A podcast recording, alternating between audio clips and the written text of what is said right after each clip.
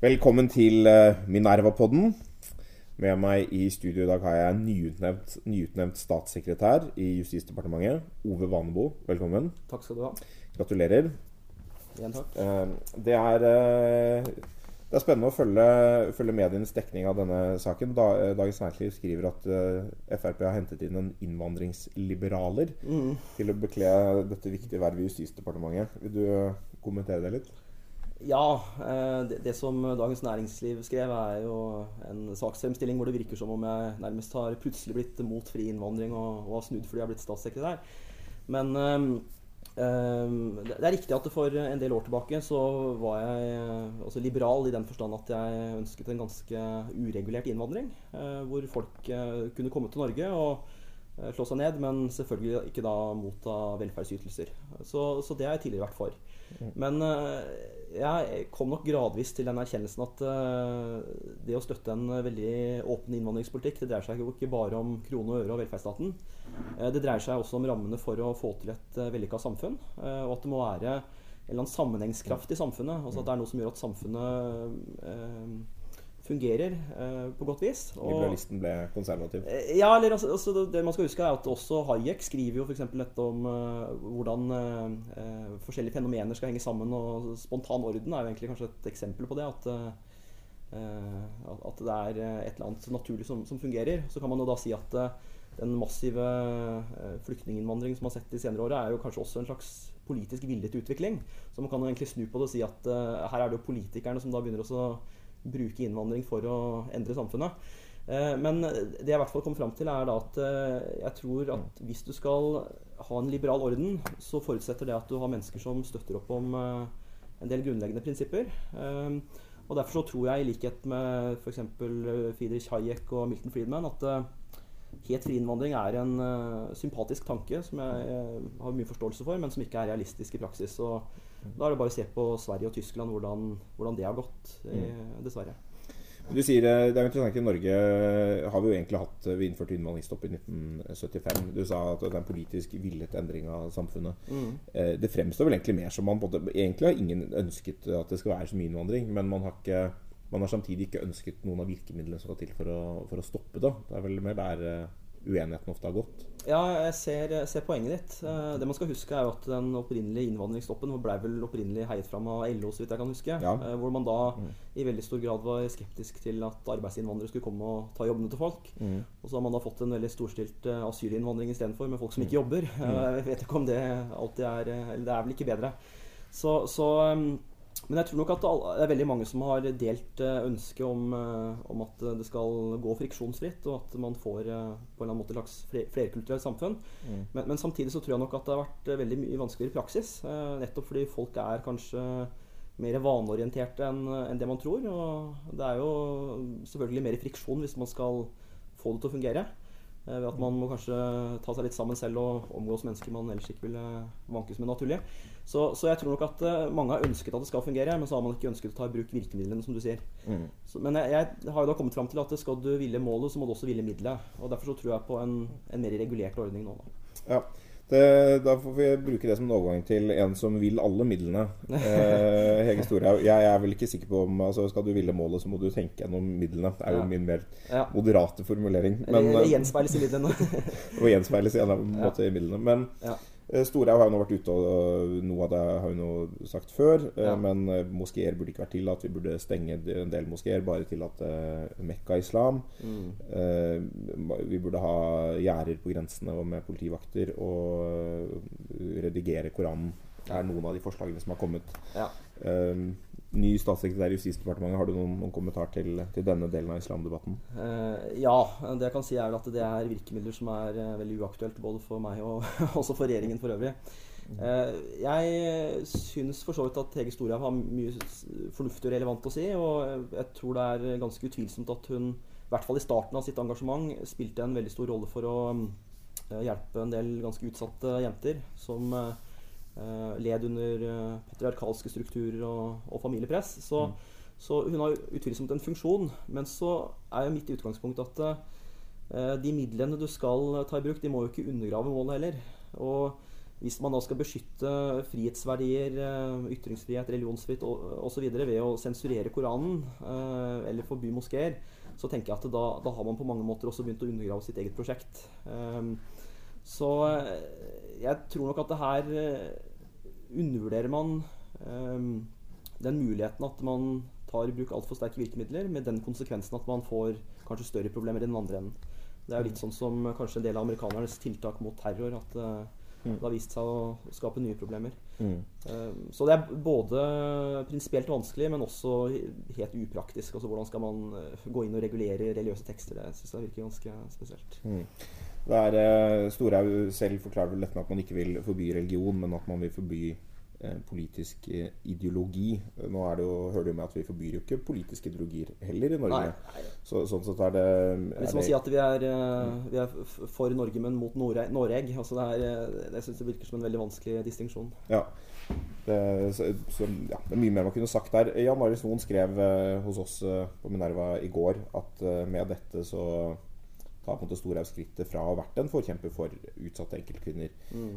og vært en organisasjon som har hatt det som utgangspunkt, til å bli en mer en antimuslimsk uh, nettside som får klare seg økonomisk selv. Har du noen, Hva tenker du om den beskrivelsen? Antimuslimsk? Altså, jeg syns det er ganske sterke ord fra oss noen. Sånn jeg forstår Hege Storhaug, så prøver, prøver, hun da å trekke opp en slags, en slags skille mellom i hvert fall Mekka og Medina-islam. Det er uh, terminologien hun bruker. Mm. Uh, og det, det, er jo for så vidt et uh, prisverdig tiltak. Men det som er problemet med sånn jeg oppfatter Storhaugs retorikk og politiske prosjekt, da, er at det blir for springende. og noen ganger så syns i hvert fall jeg at det er veldig vanskelig å, å skille mellom hennes forsøk på å begrense de autoritære trekkene ved enkelte deler av islam. Mm. og og det også samtidig åpne for at uh, liberale muslimer, hva, hva, man skal bruke av begreper, uh, at de skal få, få utfolde seg. Så, så, jeg tror nok at hvis Storhaug forventer å bli tatt uh, seriøst, så må hun være tydeligere på det skillet, og også være mer bevisst på hva slags virkemidler du ønsker å, å bruke tror Et problem med det skillet hun trekker opp, sånn som jeg forstår det altså Dette Mekka og Medina-muslimer det er jo hentet uh, importert fra Ayan Hirsi Ali, som bruker det i sin bok. Mm. Der er det jo mer en slags normativ foreskrift. Sånn burde muslimer gå frem for å reformere islam. Mm. Problemet med det er at den, altså Hun sier jo da Mekka-muslimer så lenge Mohammed var i Mekka, de verste som er uh, åpenbart der. De er ja. ganske tolerante og snille. Og så får han politisk makt i Medina, og de er mye strengere. Mm. Problemet med, med skillet er at altså, det, det fins nesten ingen eh, Mekka-muslimer, hvis man definerer det sånn. Altså, det er veldig veldig få muslimer som sier eh, ja, vi tror på disse versene, men ikke disse. Ja. Eh, og det er jo sånn, Man kan sammenligne med Alle sammenligninger mellom religioner blir veldig dårlige, men bare for å ta en sammenligning med med Bibelen, så mm. Gamletestamentet, Nytestamentet ja. det, Tradisjonelt sett så er det ikke så mange kristne som vil si Nei, vi tror ikke på Gamletestamentet. Kanskje man tolker, man tolker det i lys av Nytestamentet og ja. gjør det andre også. Sånn. Ja. Men man, det er ikke det som har vært hovedveien til reform. At man har sagt vi, vi, vi bryr oss ikke lenger om det. Vi leser fortsatt Gamletestamentet i gudstjenestene hver søndag. Mm. Og hvis du ser på jøder, jøder, reformjøder, som er i mm. USA er den største retningen innen jødedommen, utpreget liberal, eh, de har jo ikke lagt bort Gamletestamentet. Tvert imot. Det er deres grunnlagstekst. Mm. Så det man har gjort, vært at man har omfortolket den. Mm. Uh, og det, det, som jeg tror er problemet med denne tilnærmede historien, er at hun lager et ideal for hva som er en liberal muslim, mm. som ikke fins. Og mens hun gjør det, så mister hun av syne de faktiske reformforsøkene som finnes. Mm. Og så kan man være med jeg kan være med på å si at mm. mange av de liberale tradisjonene står altfor svakt. Ja.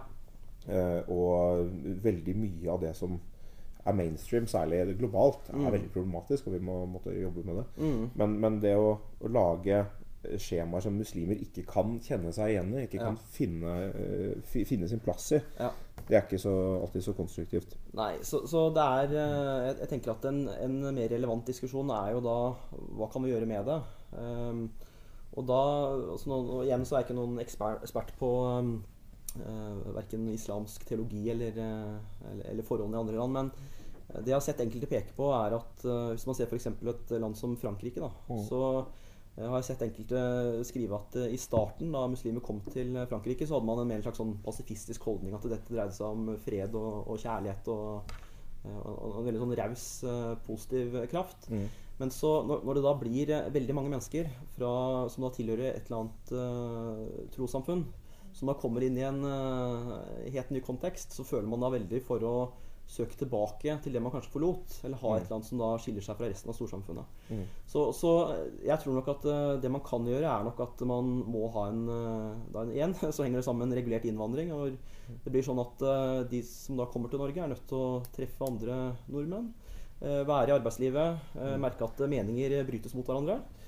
Og så tror jeg ikke at integrering er noen eh, walk in the park. Også. det er en, en kontinuerlig Kontinuerlig Ja, utfordring. kontinuerlig utfordring hvor Ja. man da hele tida må uh, komme i en situasjon hvor det blir litt friksjon og bli utfordra. Og da, det tror jeg nok er uh, løsningen på lengre sikt. Mm. Mm. En av eh, de, de, de tingene da Storhaug utfordrer med sine ting, det er jo det mange vil si, menneskerettighetene. Mm. I det hele tatt så er jo det en av de store diskusjonene vi har nå, som vi ikke skal ta her i dag. Det er hvordan vi skal forene menneskerettighetene med innstramningene vi må gjøre i innvandringspolitikken og kanskje integreringspolitikken. Eh, Men vi skal snakke om de som eh, forvalter menneskerettighetene og andre rettigheter i samfunnet, nemlig Høyesterett.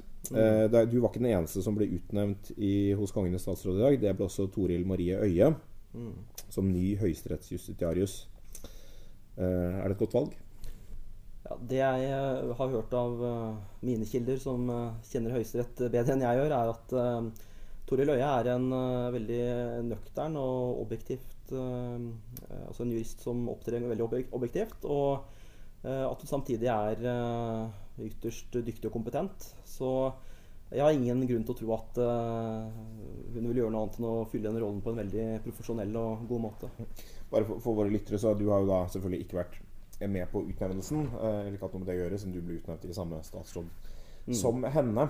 Eh, men det har vært mye diskusjon om denne høyesterettsavgjørelsen mer enn det, eh, eller om denne utnevnelsen mer enn det eh, ofte er. Mm. Eh, man kunne jo tenkt seg eh, andre valg. altså Man kunne tenkt seg eh, Jens Edvin Skoghøy, som har en bakgrunn som mange høyrefolk typisk har likt tidligere. altså Han har vært advokat, eh, han har eh, lang bakgrunn som professor. professor. Mm. Uh, man kunne også tenkt seg Hans Petter Graver, som har ytret veldig tydelig en rettsfilosofisk holdning som regjeringen eh, kanskje eh, ville like, med, hvor man kanskje ville få større spillerom eh, i å tolke en del forpliktelser eh, overfor internasjonale organer og sånn eh, selv. Eh, men man har altså ikke valgt, eh, valgt det. Har du noen tanker om, om det? Nei, eh, altså jeg, jeg har jo registrert at det kanskje for første gang på lenge har vært en eh, reell og ganske interessant diskusjon også i mediene om hvem man, hvem man skal velge. Ehm, det har også vært en eh, del diskusjon om eh, det på en eller annen måte er en slags aktivisme, eh, og at enkelte dommere er mer menneskerettighetsaktivistiske eller ikke. Jeg veit ikke om jeg er så sikker på det, fordi det kan jo like gjerne bare gjenspeile at man har en ulik oppfatning av hva som er korrekt rettskildelære, f.eks. Så, eh, men, men alt i alt så tror jeg nok at Tore Løie vil være kanskje et godt kompromiss, i den grad man kan begynne å snakke om fløyer. Eh, så, men den utnevningen her så er det i hvert fall ikke noe, noe tvil om at uh, det neppe blir noe diskusjon om Hun tilhører en eller annen fløy. Altså jeg tror hun står veldig solid hos, eh, hos alle. Mm. Mm. Ja, det, altså det har jo vært en del snakk om at dette er altså da den første kvinnelige høyesterettsjustitiarius. Uh, og um, hvorvidt det har vært en faktor, det, det, eh, det vet jeg ikke. Men det, men det har vært mye diskutert. Er det, er det noe man har, har lagt vekt på, tror du? Det jo, har jo vært en veldig stor diskusjon om uh, f.eks. sammensetning av eh, partnerskap i, i advokatfirmaer, hvor det er veldig mange som er eh, opptatt av at man skal få flere kvinner inn i, inn i partnerskap. Og det er jo en egen interessant diskusjon. eh, men, men jeg tror at når det gjelder Høyesteretts eh, sammensetning, så eh, har jeg en vanskelig for å tro at det har vært tema. Og bakgrunnen for det er at hvis man ser på sammensetningen i, i Høyesterett, så har det vel, eh, så vidt jeg kan huske, i ganske lang tid vært en veldig jevn kjønnsfordeling. Og det gjør jo da at man eh, ikke trenger eh, da å si at nå må vi ha en kvinne, eller, eh, eller kanskje tenkte mer eller mindre ubevisst. Så eh, eh, det er selvfølgelig alltid noen som vil spekulere i om det har vært tilfellet, men her er det både en kompetent person og, og i tillegg en ganske god balanse fra før av. Så jeg, jeg tror ikke det, altså. Mm. Men det minner meg likevel om et, et felt som jeg syns er interessant. og det er at Vi på høyresiden sier jo ofte, og mener også, at vi er kritiske til overdreven bruk av kvotering. Hvis det skal være kvotering, må det være fordi det er en eller annen, en eller annen form for skjevhet som har skjedd eller blitt begått, eller et eller annet som må, må rettes opp. Eh, men ellers er vi liksom kritiske. Eh, samtidig som jeg merker at altså, vi i Minerva, hvis vi har uh, et debattpanel uten en kvinne, eller en papirutgave uten en kvinnelig forfatter, eller uten flere, så skammer vi oss ganske dypt. Eh, og, så, og for å unngå den skammen, så prøver vi å, å, jobbe litt ekstra hardt for å få inn kvinner. Så kan man kalle det kvotering eller ikke kvotering. Det, mm. det kommer litt an på. Men, mm. men, er det en sånn Er vi litt uærlige der? Er, er det noe er vi, Sier vi at vi er mer mot uh, kvotering enn vi egentlig er, eller er det at vi lar oss uh, shame til å utnevne flere kvinner enn vi egentlig vil? Uh, nei, altså, altså jeg, jeg, tror at hvis vi tenker den shamingen bort da, på et eller annet vis, så, mm. så tror jeg nok at uansett så vil man oppleve at når man skal sette sammen et panel, så vil det være kanskje da heller en egenskap enn en noe annet. Og det, det, tror jeg kanskje da henger sammen med at man kanskje antar da at kvinner har en annen erfaring mm. i visse sammenhenger.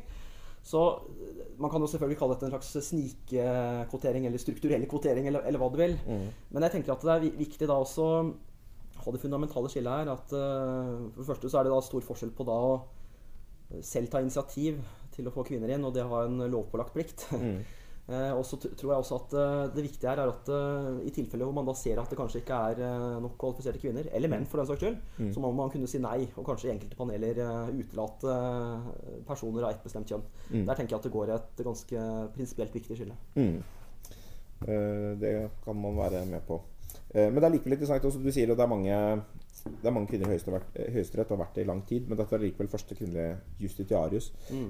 I USA så har man jo vært eh, opptatt av eh, første kvinnelige, første svarte, første latino eh, i veldig mange sammenhenger. Og det, det, det, reflekterer jo et samfunn som i veldig lang tid, de første 200 årene det eksisterte, var veldig dominert av eh, hvite anglosaksiske protestanter.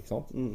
Eh, men nå har vi Høyesterett nå, er jo den da litt paradoksale situasjonen at etter at Obama utnevnte Sonja Sotomayor, den første kvinnelige latino, mm. så er det altså ingen eh, hvite anglosaksiske protestanter i Høyesterett av de eh, åtte nå, da etter at Scalia døde. Mm. Det, før, før, han døde, var det altså da seks katolikker og tre jødiske høyesterettsdommere. Og nå snakker man om å utnevne en erstatter for, for Scalia, og da snakker man om en het kandidat er Sri Srinivasan, som er, ville bli den første hindu eh, på høyesteretten første asiat. Fortsatt da helt uten noen hvite anglosaksere. Ja. Og det er litt sånn eh, Når man skal utnevne alle minoritetene, så, så kan det bli ganske i, i fora med få medlemmer kan det bli ganske få majoritetsfolk igjen. Ja, det er jo det som er litt morsomt når uh, man på en måte snakker om et mangfoldig samfunn. Og da er spørsmålet hvor blir det av det som opprinnelig var der? Mm. Skal ikke det også være representert? Så det, det tenker jeg er en, litt, uh, det er en veldig morsom vinkling på det. Men det kan jo hende at det også er et trekk som bare gjenspeiler det f.eks. Charles Murray har, har, skrevet om. At du har etter hvert fått en, en, hvit arbeiderklasse som er blitt veldig marginalisert i et USA som er i, i stadig endring. Mm. Um, men, men, utover det så, så, har jeg ikke noe, tror jeg ikke jeg har så veldig mye meninger om, om hvorfor det har blitt sånn. Um, så er det vel sånn at uh, Tradisjonelt sett så er vel uh, juristprofesjonen også et slags elitistisk profesjon. Og da kan det hende at man da er mer åpen for personer med annen bakgrunn. Også, hva veit nå jeg? Det er vel kanskje ja. altså, disse, disse mer motforestillinger i andre samfunnslag. Ja, det er nok sant. Disse katolikkene er jo fortsatt i hovedsak hvite, med unntak av Clarence Thomas, som er, som er svart. Men, men, ellers så gjelder for dem av oss som ikke er for kvotering, så er det jo et interessant trekk når det gjelder akkurat juristyrket i USA. Kanskje eh, også etter hvert i Norge, altså vi får se det. Men det er jo et yrke som, hvor noen etniske grupper er veldig overrepresentert. Mm. Jøder, indere. Det får vi da se med Sri Srinivasan, om han blir den første av dem. Men det, hvis du ikke kvoterer inn Eh, så vil du se at disse gruppene blir overrepresentert fordi de er såpass sterke i profesjonen. Ja. Eh. Så, så, kan det hende at det er en del eh, kanskje familiemessige forhold som også spiller inn. Altså man vet jo at